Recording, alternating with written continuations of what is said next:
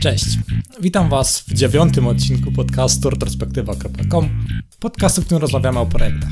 Ja nazywam się Mateusz Kupilas i oprócz tego podcastu prowadzę również bloga oraz kanał YouTube Java DevMat. W dzisiejszym odcinku chciałbym się podzielić trochę planami e, na ten rok, na 2018. Już miałem powiedzieć na przyszły rok, ale już jest ten rok, już jest 2018. Widzicie te plany teraz na różnych blogach, czy na innych tam vlogach YouTube'owych. No to postanowiłem, że nie będę gorszy. I żeby nie było tak tylko nudno o planach, poruszę również ten temat, e, jak, jak miała wyglądać firma, którą chciałem zacząć budować e, trochę ponad dwa lata temu i co z tego właściwie wyszło. No tak często jakoś mam, nie wiem, czy też tak macie, że zaczynacie coś robić w jakimś kierunku i wychodzi z tego też coś fajnego często, ale nie jest to, co, to, co zaplanowaliście. I u mnie to wyszło bardzo, bardzo dziwnie i chciałbym to dzisiaj poruszyć, jak, e, jak firma, którą zacząłem budować, się zmieniła w coś innego, w coś, co nie planowałem, jakie mam plany na, na ten rok, które prawdopodobnie i tak się zmienią, a nawet jak się nie zmienią, to, to najprawdopodobniej efekt końcowy będzie no, inny od tego, co dzisiaj zakładam. I heartily endorse this event or product. Zawsze staram się w tym miejscu wrzucać jakąś reklamę, w ten sposób monetyzować ten podcast, ale w odcinku, w którym rozmawiam głównie o sobie, to aż mi głupio, dlatego chciałbym wykorzystać to miejsce, by zaprosić Was do odwiedzania strony pajacyk.pl. Nawet jak nie przekazujecie darowizny, to warto wyłączyć adblocka, wejść na stronę. W tym momencie fundacja zarobi trochę z reklamy. Zanim zacznę z tymi planami na przyszły rok, na przyszły, znowu mówię na przyszły, nie jest przyszły rok, już jest 2018, to może powiem trochę o tym, o czym wspomniałem w intrze, czym miała być firma, którą zacząłem budować trochę ponad dwa lata temu? I jak wyszło z tego takie dziwadło, taki Frankenstein podszywany grubymi nićmi, ale za to rentowny Frankenstein, do którego nie muszę dopłacać. Dwa lata temu, dwa lata temu z takim dużym hakiem w sumie, mm, stworzyłem taką grę muzyczną, grę mobilną Note Fighter. Zaczęło mi to zarabiać jakoś na kasę, nie była to jakaś rewelacyjna kasa, ale tak stwierdziłem, że gdybym się skoncentrował na takiej niszy, tworzeniu edukacyjnych, e, nie tylko gier, ale takich, takich softów dla muzyków hobbystów, dla takiej niszy, właśnie dla um, czegoś, czym się interesuje, czyli jako muzyk hobbysta, robiąc muzykę hobbystycznie, znam tą grupę docelową, ponieważ, ponieważ nią jestem, to może mógłbym, mając więcej czasu, robić to i lepiej, i, i więcej tego, wymyślić na przykład więcej takich aplikacji, nie tylko, nie tylko gry edukacyjne, gry, edukacyjne do ćwiczenia nut, jak wtedy, tylko więcej podobnych takich e, programów, budować taką markę, pod którą będę robił takie edukacyjne softy. Tak się, tak się pojawił taki pomysł, by po prostu zacząć budować firmę, która by czymś takim się zajmowała. Tak sobie policzyłem, że gdybym faktycznie więcej czasu na to poświęcił i mając jakieś tam oszczędności, by powiedzmy przez rok czy dwa nawet do tego dokładać, to za jakiś czas e, może wyjść z tego rentowny biznes, w którym mogę zajmować się tym, na czym faktycznie mam ochotę pracować. By teraz trochę przyspieszyć i to streścić, by nie omawiać teraz wszystkiego krok po kroku. Dużo na ten temat mam na moim kanale YouTube Java Dev Mad. Jak pracowałem nad, nad jakimś drugim projektem, nad drugim projektem mojej firmy, pierwszym projektem była właśnie ta gra edukacyjna do ćwiczenia, do ćwiczenia czytania nut. Pracowałem później nad takim um, clickerem, który miał ćwiczyć słuch muzyczny. To stwierdziłem, że może by jakoś zmonetyzować tego bloga e, i vloga na YouTube e, programista na migracji Vloga założyłem e, w roku 2014. Mm, zaczynałem od tutoriali o LibGDX, później jakieś vlogi o, vlogi o emigracji jako programista, trochę o rekrutacji, o życiu za granicą i tak. Wszystko całkowicie niekomercyjnie, po prostu miałem na to ochotę i tak samo dalej w 2015, w kolejnym roku. Tak stwierdziłem, że skoro prowadzę to już prawie dwa lata i przez te dwa lata nie wpadło mi z tego, nawet, nawet złotówka mi z tego nie wpadła, to stwierdziłem, że może by warto spróbować, czy tu jest jakiś potencjał zarobkowy. Z jakiegoś podcastu dowiedziałem się kiedyś, że popularnym sposobem zarabiania na, na różnych treściach, na vlogach, na blogach i tak dalej jest zebranie najczęstszych pytań, które, które zadają po prostu czytelnicy czy widzowie na YouTube i zebrać to w formie e-booka, czyli o co najczęściej pytają, zebrać z tego coś tematycznego i sprzedać to w formie e-booka.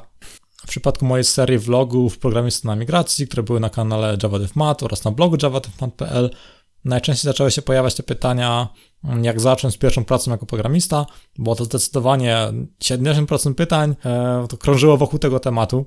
To stwierdziłem, że zbiorę to, co wiem, taką całość, e, przesiądę trochę, napiszę taki, taki poradnik dla siebie sprzed paru lat, i dla osób, które, które właśnie dla tej grupy docelowej, która zadawała te pytania, mm, zacznę to pisać i może zanim to skończę, to przetestuję ten pomysł e, w postaci crowdfundingu, by zbadać tak faktycznie, ile osób jest w stanie wyłożyć to pieniądze, a nie ile osób po prostu lajkuje ten pomysł na Facebooku. Założenie było takie, że jeżeli zbiorę 3000 zł e, na crowdfundingu, no to warto to robić, warto taki poradnik zrobić, warto go dokończyć i warto poświęcić temu trochę więcej czasu. To założyłem akcję crowdfundingową na polakpotrafi.pl, e, cel 3000 zł i w miesiąc zamiast 3000 zabrało się 17 tysięcy. No i stwierdziłem, że no ma to więcej potencjału niż myślałem. Opisałem nawet na blogu, że myślę, by ten, ten kanał YouTube i bloga prowadzić jakoś tak poważniej, a ten pomysł e, takiej serii mm, edukacyjnych soft dla muzyków hobbystów to albo odłożyć na później, albo nawet sprzedać e, ten mój pierwszy produkt e, tej takiej gry do ćwiczenia czytania nut. Się okazało, że wystarczył ten wpis, gdzie wspominałem o tym, że rozważam sprzedaż tej mojej gry edukacyjnej. I taki wpis wystarczył, by znalazł się potencjalny kupiec, osoba, która była zainteresowana, zainteresowana sprzedażą tej aplikacji. Znaczy, ja byłem zainteresowany sprzedażą, ta osoba była zainteresowana kupieniem tej aplikacji. Udało się wynegocjować całkiem fajną kwotę. Aplikacja była sprzedana. Dodatkowo to moja akcja crowdfundingowa i booka e, dla początkujących programistów, dla osób, które szukają poradnika, jak zacząć pierwszą pracę jako programista, okazało się, że trochę rozgłosu mi to przyniosło, trochę osób się o tym dowiedziało. Oprócz tego e-book, ten poradnik, który napisałem, zaczął zbierać e, bardzo dobre recenzje. Sam się zdziwiłem, że pojawiły się takie informacje, że bardzo dobrze piszę i powinienem rozważyć, czy chcę po prostu więcej czasu poświęcać na przekazywanie wiedzy. No podobno mi to dobrze wychodzi i zaczęły się do mnie odzywać różne firmy w sprawie współpracy, takiej współpracy reklamowej. No tak stwierdziłem, no to czas kuć żelazo, póki gorące, czy jak to się mówi. I tak powstały takie podwaliny takiej trochę dziwnej nowej firmy. Czyli z pomysłu tworzenia takich kursów, softów edukacyjnych dla niższych muzyków hobbystów przekształciło się to trochę um, w tą niszę programistyczną, naukę programowania. Mój pierwszy produkt niszy muzyczny został sprzedany i powstał mi całkiem fajny produkt e, dla tej niszy edukacyjnej w, e, w programowania. Dodatkowo zaczęły odzywać się do mnie różne firmy w sprawie współpracy w sprawie właśnie tej nauki programowania. No tak stwierdziłem, no to odłożę może tą niszę e, muzyczną na później i poświęcę, poświęcę więcej czasu na ten kanał YouTube, na bloga oraz produkty wokół tego oraz współprace reklamowe. Tak kolejnym krokiem było e, z e-booka stworzenie książki fizycznej. I w tym miejscu muszę podziękować e, Michałowi Szafrańskiemu, ponieważ udostępnił na swoim blogu cały proces self-publishingu mm, takiej książki papierowej. Jeżeli ktoś chce wydać samodzielnie książkę, to nie musi szukać w internecie po różnych miejscach, jak to zrobić, po prostu wchodzimy na blog Michała Szafrańskiego jako pieniądze.pl i tam mamy to krok po kroku rozpisane i tak naprawdę jeżeli mamy mm, nawet nie jest jakaś tam ogromna kwota, nie jest jakaś nieosiągalna kwota, mając paręnaście tysięcy złotych, można samodzielnie wydać naprawdę książkę i jeżeli jesteśmy w miarę rozpoznawalni w internecie, czyli mamy jakąś tam grupę, do których to możemy sprzedać, to takie przedsięwzięcie jest rentowne, nawet jeżeli sprzedamy tylko tysiąc sztuk książki, u mnie jakieś dwa miesiące temu chyba sprzedaż przekroczyła 3000. Mm, mam teraz znowu dodruk książki i sprzedałem tyle sztuk kompletnie bez, bez płatnej reklamy, nie robiłem żadnych reklam płatnych na Facebooku, żadnych e, innych reklam AdWordsowych i tak dalej. Planuję teraz w 2018 spróbować zacząć bawić się właśnie reklamami facebookowymi, ale aktualnie była to tylko sprzedaż przez e, reklamowanie się na moich treściach. Jak mam jakiś film edukacyjny o czymś tam, to mam w opisie filmu, ej, tutaj masz moją książkę, jak też mnie wesprzeć. Możesz kupić e-booka za 4 dychy, albo w praktyce często za 30 zł, ponieważ często wrzucam gdzieś różne kody promocyjne e, na dychę, taki chwyt marketingowy, że w praktyce zawsze gdzieś jest kod promocyjny za dychę i książka kosztuje dychę więcej, by dychę obniżyć. Mm, nie, że to brzmi głupio, ale to, to po prostu działa. Jeżeli macie zamiar sprzedawać coś za, za 30 zł, to warto to wystawić za 40 i często wrzucać kody promocyjne na dychę. Jakoś ludzie wolą kupić coś e, za 30 zł, mając kod promocyjny na 10 zł, który obniża z 40 na 30, niż od razu kupując za 40. Oprócz książki zacząłem intensywnie się przyglądać temu potencjałowi współpracy nie tylko reklamowej, ale też współpracy generalnej z firmami w tej niszy edukacyjnej slash programistycznej. Właściwie to nie musiałem jakoś specjalnie do nich pisać, e, po prostu zacząłem odpisywać na maile, które oni przysyłali mi w sprawie ofert współpracy. Na przykład jutro mam znowu jakąś tam rozmowę z taką firmą z Katowic. I tak jest w internecie, że jeżeli macie jakieś zasięgi w jakiejś niszy, to firmy was same znajdą, nie musicie tam jakoś super uderzać. Oczywiście można uderzać z ofertami, to na pewno też działa, ale nie próbowałem tego, po prostu odpisywałem na, na propozycje, które i tak mi przychodzą. Gdyby to kiepsko wypalało, miałem taki plan B, że jako freelancer, jako programista freelancer mogę trochę dorabiać, a tak naprawdę w całym roku 2017 wykonałem jedno zlecenie komercyjne, a resztę najwięcej kasy zarobiłem ze sprzedaży książki oraz ze współpracy z firmami. Takie współprace reklamowo slash usługowo-edukacyjne nie do końca są zawsze takie łatwe, jak myślałem. Oczywiście no, spodziewałem się, że nie to zawsze takie łatwe. Często jest dużo rozmowy i koniec końców nic z tego nie wynika po miesiącu mailowania. No to stwierdziłem, że może warto by zrobić drugi produkt, powoli pracować nad drugim produktem, wydawać jak mniej więcej jeden produkt na rok. Pierwszy to był e-book, później wersja fizyczna tego e-booka, w sumie drugie wydanie e-booka i pierwsze wydanie książki fizycznej. I myślałem, że może kolejnym krokiem, kolejnym dobrym krokiem byłby jakiś taki kurs, po prostu zapytać, jakiego kursu chcieliby moi czytelnicy e, czy widzowie na YouTube i oferować jakiś taki komercyjny kurs e, dobrej jakości po przyzwoitej cenie. I myślałem nad tym, długo myślałem nad jakimś kursem, ale później stwierdziłem, że w sumie nie, tak naprawdę nie potrzebuję jakoś tam super więcej od razu zarabiać. To, co aktualnie zarabiam z aktualnej działalności, z reklamowej, ze sprzedaży książki, to i tak już powoduje, że moja firma jest rentowna, nie dokładam do tego, tak jak planowałem, że jakiś czas będę do firmy dokładał. To myślę, po co na siłę teraz szukać, na czym tu mogę zarobić, jak najwięcej się tam nachapać. Mogę poszukać, mam taki komfort, że mogę poszukać coś, co naprawdę miałbym ochotę zrobić i może to zarobi trochę mniej niż kurs, ponieważ no jestem pewny, że na kursie aktualnie bym najwięcej zarobił. Mm, chciałbym znowu zrobić jakąś grę edukacyjną, ponieważ strasznie mnie game dev jara, może niekoniecznie cyfrową grę, ponieważ no taką wydać solidną cyfrową grę to jest, nie wiem, powiedzmy rok pracy, tak myślę minimum można sobie założyć. Stwierdziłem, może zrobię znowu produkt fizyczny, skoro książka fajnie wyszła, mam doświadczenie jako wydawca, moja firma tak naprawdę jest wydawnictwem, ponieważ wydaje własną książkę i zarabia jako wydawnictwo, to może by jako wydawnictwo wydać drugi produkt fizyczny, też edukacyjny, tylko taki bardziej e, związany z rozrywką, i zacząłem się rozglądać za tym, jak to jest e, z samodzielnym wydaniem gier planszowych czy karcianych. Sporo o tym temat czytałem, na przykład taki case e, Exploding Kittens, Wybuchające Koty. Jest taka gra karciana, którą wydał um, właściciel takiego komiksu internetowego bardzo popularnego i to był przykład, jak można zmonetyzować zasięg w internecie przez wydanie, wydanie jakiejś fizycznej gry karcianej. Tak stwierdziłem, to może połączę to, ten element edukacyjny z elementem rozrywkowym i stworzę taką karciankę, od razu powiedzieć taki pomysł, co tu mamy w IT? No mamy programistów i co to często jest w IT? No jest ten dział HR, który podbiera tych programistów między firmami. No to pomyślałem, czemu nie zrobić z tego gry karciane, gdzie gramy programistów, podbieramy ich sobie działem HR i może wzmacniamy ich zamiast e, jakąś zbroją w jakimś Magic the Gathering, to programista jest wzmacniany przez to, się czegoś nowego nauczy. Tak powstała e, całkiem sympatyczna gra karciana, która przybliża graczowi jakieś pojęcia związane z IT, no i przy okazji jest to po prostu rozrywka. Czyli w 2016 zacząłem budować firmę, która miała tworzyć softy edukacyjne dla muzyków hobbystów i w 2017 koniec końców przez parę dziwnych zbiegów okoliczności zacząłem zarabiać w niszy nauki programowania przez bycie wydawnictwem, przez wydanie samodzielne książki, e, niedługo przez drugi produkt edukacyjny gry karcianej też w niszy, w niszy IT oraz przez współpracę, przez współpracę nie tylko reklamową z innymi firmami z tej niszy nauki IT. To tyle, jeżeli chodzi o takie dziwne zbiegi okoliczności tego, co się, co się wydarzyło, tego, co się działo.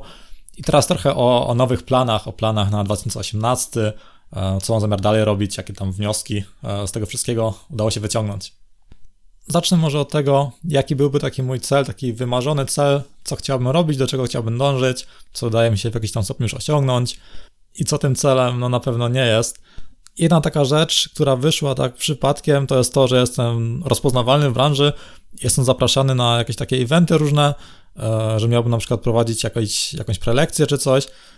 A ja tego strasznie nie lubię robić. Myślałem się do tego przekonać, może, że to można polubić, ale ja tego tak naprawdę nie chcę. Tak sobie zastanawiałem kiedyś, co bardzo bym chciał robić, i tak naprawdę jestem szczęśliwy, jeżeli jestem, jestem w stanie e, się zamknąć e, w jakimś takim miejscu i móc, móc, pracować w pewnym zakresie godzin nad jakimś swoim projektem, dłubać sobie na, przykład na jakąś dziwną karcianką, nad wersją fizyczną, czy później elektroniczną, po prostu móc realizować własne projekty, jakieś dziwne projekty w pewnym zakresie godzin i zarabiać na tym taką stawkę, z której jestem w stanie się utrzymać. Naprawdę nie mam takich ambicji, by być bogatym. Może jeszcze 10 lat temu, jak miałem 17 lat, czy już prawie 18, już kurde stary jestem, to chciałem taką mieć taką dużą firmę, e, mieć dużo kasy, ale tak naprawdę z, wiekiem mam takie wnioski, że robiąc e, po prostu najważniejsze, co, co mam tak w ciągu dnia, to jest ten czas i na co to mogę poświęcić.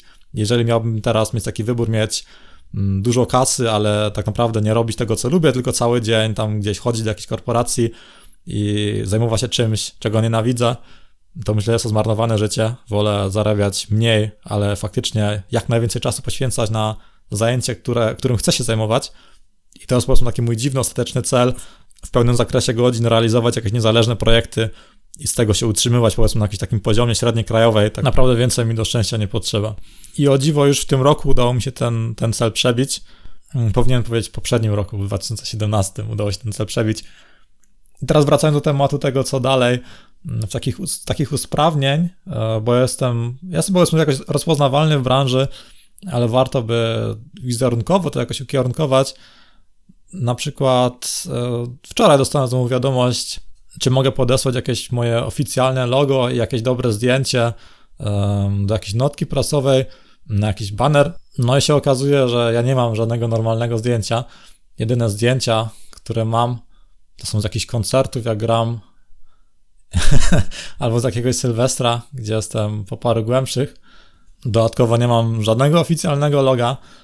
Tak myślałem, że z jednych celów na 2018 byłoby może wizerunkowo to jakoś zrobić, mieć jakieś w końcu normalne zdjęcie, jakieś logo i gdzieś po prostu zebrane to wizerunkowo. Tak już w tym kierunku zrobiłem sobie stronę domową. Możecie sobie sprawdzić kupilas.pl. Nie jest to strona o kupowaniu lasu, tylko moja strona domowa, ponieważ moje nazwisko to jest Kupilas. Tak zacząłem sobie to realizować przez robienie jakiegoś takiego, robienie jakiegoś takiego wizerunku. Będę potrzebował jakieś normalne logo, jakieś normalne zdjęcie. Na przykład e, nawet moje zdjęcie na na mojej książce, które, które z tyłu książki jest tam gdzieś wrzucone, to, to prostu zdjęcie, które sobie, zrobiłem sobie z ręki telefonem przy jakimś miarę dobrym świetle. Więc to, to jest dziwne, że ludzie zakładają na przykład jakiegoś bloga czy, czy jakąś tam markę na, na YouTube i myślą najpierw, o, muszę mieć dobre logo, muszę mieć jakieś super zdjęcia. To u mnie to wyszło dziwnie. E, jestem jakoś rozpoznawalny, mam książkę wydaną, mam zapytania o pod, podsyłanie oficjalnego loga, jakichś zdjęć prasowych a nie mam nic takiego, nie mam oficjalnego loga, nie mam dobrych zdjęć i dopiero teraz um, zaczynam to porządkować. Innym takim planem, oprócz e, uporządkowania rzeczy wizerunkowych, jest e, cotygodniowy podcast. Bardzo spodobało mi się e, nagrywanie podcastów. W drugiej połowie 2017 założyłem sobie podcast retrospektywa.com, ten, który teraz słuchacie.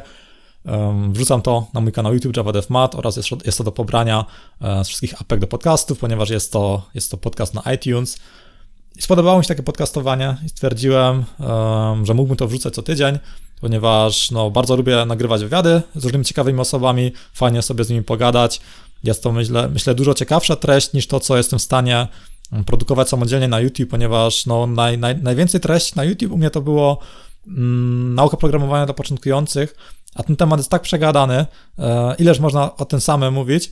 I tak jak teraz zbieram, zbieram feedback właśnie na temat tych nowych treści na YouTube, moich generalnych nowych treści, to jest to bardzo pozytywny odbiór, że no w końcu można o czymś nowym, e, te wnioski z tych różnych projektów, e, takie podcasty, że jest to coś świeżego, coś nowego. Jest to również moje jedyne postanowienie noworoczne. Nie przepadam za postanowieniami noworocznymi, a jak już robię, to tylko takie jedne, które faktycznie chcę zrealizować. I te jedno postanowienie noworoczne na rok 2018 to jest właśnie cotygodniowy podcast. Może tam będzie jakaś przerwa wakacyjna, jeszcze nie wiem. I tu przy okazji może rozważę, e, jaką książkę rozważam zacząć pisać, którą chcę wydać jakoś za dwa lata, nie więcej. Mm, po prostu chcę powielić schemat, zrobić znowu to samo, co się sprawdziło w przypadku vloga i bloga programista na migracji gdzie najczęściej pytano o pierwszą pracę programisty, o rzeczy związane z wejściem w IT. Zebrałem te pytania, postarałem się w miarę moich możliwości jak najlepiej na to odpowiedzieć. Zostało to bardzo dobrze odebrane i zebrałem to w formie takiego e-booka, później rozbudowanego bardziej e-booka i książkę papierową. Tak myślę, jak teraz mam zamiar co tydzień wrzucać podcast. Mm, z tych podcastów jest e, zawsze dużo wniosków na temat różnych projektów, dużo rzeczy można się dowiedzieć to czemu znowu nie zabrać tego w całość i na przykład za dwa lata, gdy będzie 100 e, odcinków podcastu, mając cotygodniowy podcast, to po dwóch latach będzie ponad 100 odcinków. Dlaczego nie zebrać tego później znowu w e-booka i książkę, gdzie zbiorę po prostu najważniejsze wnioski ze 100 odcinków podcastu. I dobre w tym jest to, e, że już mogę to zacząć pisać, ponieważ e, najważniejsze wnioski ze 100 odcinków podcastu zebrać, zacząć zbierać, gdy te 100 odcinków będzie nagranych, no to będzie to zajmowało dużo czasu, ale jak teraz mam jeden odcinek podcastu co tydzień, najczęściej będzie to jakaś rozmowa z kimś, czasami jakieś tam, sam jakiś temat poruszam, to mogę sobie na bieżąco w formie książki też to pisać i za dwa lata, gdy tych odcinków będzie 100, to treść książki będzie już prawie gotowa, później to kwestia przeredagować, zlecić redakcję, korektę, przejść znowu cały ten proces e, self-publishingu i znowu mam fajny produkt, który mogę sprzedawać. To taki protip dla osób, które tworzą jakieś treści. Możecie w formie takiego podsumowania, jak tworzycie treści jakieś edukacyjne przez powiedzmy 2-3 lata, po tych dwóch, trzech latach zebrać to, co najważniejsze do e-booka czy książki i już macie produkt, który możecie sprzedawać i wychodzi na tym, że sprzedając coś takiego, taki produkt, mm, zarabiacie na tym więcej niż e, na współpracy reklamowej. Czyli znowu ta, ta droga mini wydawcy, czyli chodzi na to, że tak, jeżeli wszystko wypali, co planuję, a oczywiście na pewno dużo się zmieni, to po dwóch latach, e, za dwa lata będę miał dwie wydane książki i karciankę fizyczną, fizyczną grę karcianą, może również e, wersję cyfrową. Mm, o tym zaraz, zaraz o tych planach właśnie tej karcianki, tam to jest trochę dłuższy temat. Ale tak już myślałem, jak już idę w taką stronę wydawnictwa, no dlaczego może jakiegoś autora z zewnątrz e, czasami nie wrzucić. Mm, na przykład teraz z tym moim grafikiem, z którym współpracuję, taki ilustrator, slash grafik, slash projektant, e, który tworzy, tworzy grafikę dla mojej karcianki, tak trochę rozmawialiśmy. I się okazuje, że on też bloguje, ma tam całkiem sporo ruchu i może wydałby e, swoją, swoją książkę jako rysownik po prostu pod szyldem mojego wydawnictwa. I w tym momencie miałbym pierwszą taką książkę w moim mini wydawnictwie, którą sam nie napisałem. Ewentualnie może nawet kooperacyjnie jakoś tam książkę sklecić typu e, współpracy e, grafika i programisty, ponieważ no, parę projektów przechodziłem, gdzie w zespole był grafik, czasami współpracowałem w jakimś projekcie, w jakimś własnym projekcie z grafikiem, na przykład to moją grę edukacyjną, którą stworzyłem tam jeszcze na, na urządzenia mobilne, tego Androida i iOS-a, to również tam z grafikiem współpracowałem. Teraz współpracujemy um, grafik, programista, designer. No oczywiście ten grafik również współpracował z wieloma programistami. To można zrobić taki produkt, gdzie z dwóch autorów i opisze się tam błędy współpracy grafików e, z programistami oraz dobre praktyki takiej współpracy. To też taki, taki pomysł, by taki wspólny e, produkt zrobić.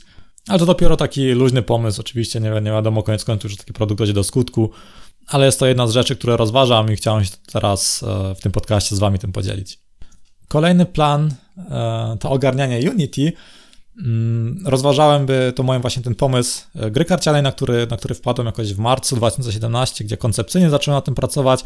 Myślałem, by zacząć, nawet zacząłem coś tam robić w Phaserze, taką karciankę zacząłem robić, ale stwierdziłem, że może warto przetestować ten pomysł, czy to w ogóle się podoba i wyszło mi, że zrobić fizyczną wersję takiej gry, no to będzie to połowa tego czasu, e, jeżeli to porównam z zrobieniem wersji cyfrowej. Wiem, że niektórym może się to wydawać dziwne, że jak to e, wydrukowanie wersji fizycznej jest tańsze niż samodzielne e, zrobienie czegoś takiego jako programista, ale tak naprawdę, jeżeli porównam, ile warty jest mój czas, no to więcej by to kosztowało zrobić wersję cyfrową niż zrobić wersję fizyczną. I to jest taki cel, który ma tam takiego IFA, jeżeli wersja fizyczna karcianki przekroczy pewien pułap popularności, wtedy będzie mi się opłacało e, zaczynać pracę nad wersją cyfrową, a jeżeli tego pułapu nie przekroczy, to po prostu nie. I jeżeli będę na tym pracował, to prawdopodobnie w Unity, ponieważ miałem zawsze ochotę tą technologię jakoś tam lepiej ogarnąć i dlaczego nie w jakimś projekcie, w jakimś konkretnym projekcie. Dlatego to jest taki jeden z takich planów. Wersja, wersja cyfrowa mojej karcianki IT Startup, jeżeli wersja fizyczna przekroczy pewien, pewien próg popularności, który jeszcze dokładnie nie zdefiniowałem. Rozważam również e, odezwanie się, jeżeli, jeżeli właśnie ten crowdfunding mojej gry karcianej e, będzie jakimś tam sukcesem, załóżmy, że, że się uda, mam również plan B na to, jeżeli się nie uda, o tym też może zaraz powiem, by spróbować odezwać się do międzynarodowego wydawcy, ponieważ stwierdziłem, że na Polskę, e, mając taki nakład, taki mały gry karciany, to jestem w stanie zrobić samodzielnie. Są to takie koszty, e, które jestem w stanie ponieść. E, jest to takie kontrolowane ryzyko, które, które aktualnie dla mnie nie jest jakieś tam bardzo duże. To stwierdziłem, że aktualnie wydaję na Polskę taki produkt samodzielnie, jako, jako wydawca, jako jednoosobowa działalność gospodarcza. A jeżeli e, crowdfunding dobrze wyjdzie i będzie to publiczna akcja crowdfundingowa, która dobrze wyszła, na przykład będę miał teraz jakiś tam dowód, że ok, mam taki pomysł, e, taki produkt z taką grafiką, zostało to w tej niszy sprzedane, e, sprzedało się tyle i tyle kopii, to mogę iść może do jakiejś firmy międzynarodowej, która robi podobne produkty, by na przykład sprzedać im, sprzedać im ten pomysł, by oni to rozprowadzali międzynarodowo, ponieważ nie mam zamiaru, nie mam zamiaru mieć firmy, która zatrudnia pracowników, a stworzenie produktu takiego międzynarodowego jako jednoosobowa firma, który będzie międzynarodowo reklamowany i sprzedawany, to jestem pewny, że się po prostu zacharuję na śmierć i nie jest to coś, co jako jednoosobowa firma jestem w stanie zrobić. Dlatego kolejny taki cel na przyszły rok z takim ifem, jeżeli pewien próg popularności zostanie przekroczony przez tą moją um, grę karcianą, to rozważę współpracę z jakimś międzynarodowym wydawcą. Na pewno się do paru odezwę, zobaczę, jakie warunki oferują. Na przykład teraz, jeżeli chodzi o Polskę, dostałem ofertę od e, polskiego wydawcy gier karcianych. Mm, trochę przez przypadek to wyszło. E, zresztą więcej o tym w jednym z moich, moich wpisów na blogu zapraszam na javadevmat.pl. Tam mam taki, tam mam taki wpis, e, który nazwałem plan bojowy te moje karcianki, jak to ma wszystko z crowdfundingiem być pospinane i tak dalej. I tam między, między innymi wspominałem o tym, że było pewne nieporozumienia z pewnym wydawnictwem, które było zainteresowane wydaniem tej mojej gry karcianej i dostałem nawet ofertę, um, ile jako, tylko jako autor, um, sprzedając pomysł, ile mogę na tym zarobić.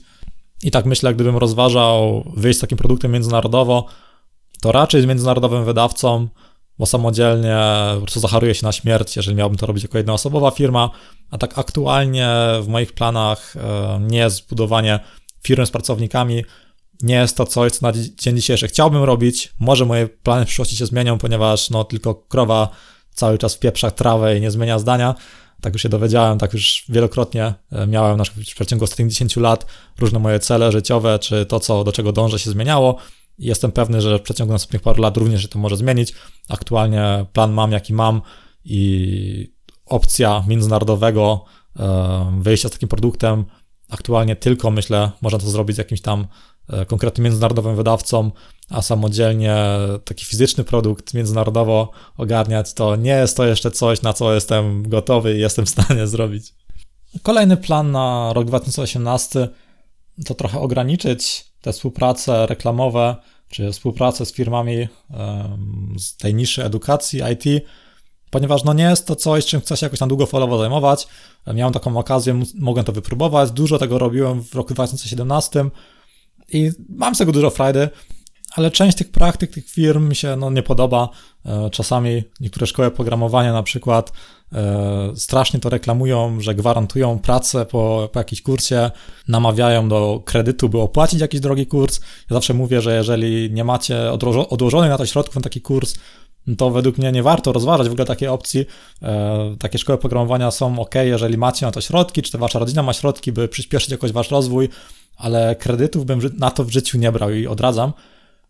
A część tych firm właśnie bardzo w tym kierunku tak agresywnie reklamę kieruje, że tutaj e, weź kredyt, zmienisz pracę i zagwarantujemy ci w ogóle po tym kursie pracę, a często tam jest przy tej ofercie jakaś taka gwiazdka, że zagwarantowany jest tylko jakiś tam miesięczny staż, jakiś okres próbny, a jak nie sprawdzicie, to tej pracy później tak naprawdę nie ma.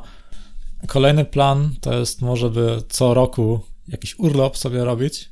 E, w ostatnim roku, w 2017, byłem na pierwszym urlopie od pięciu lat.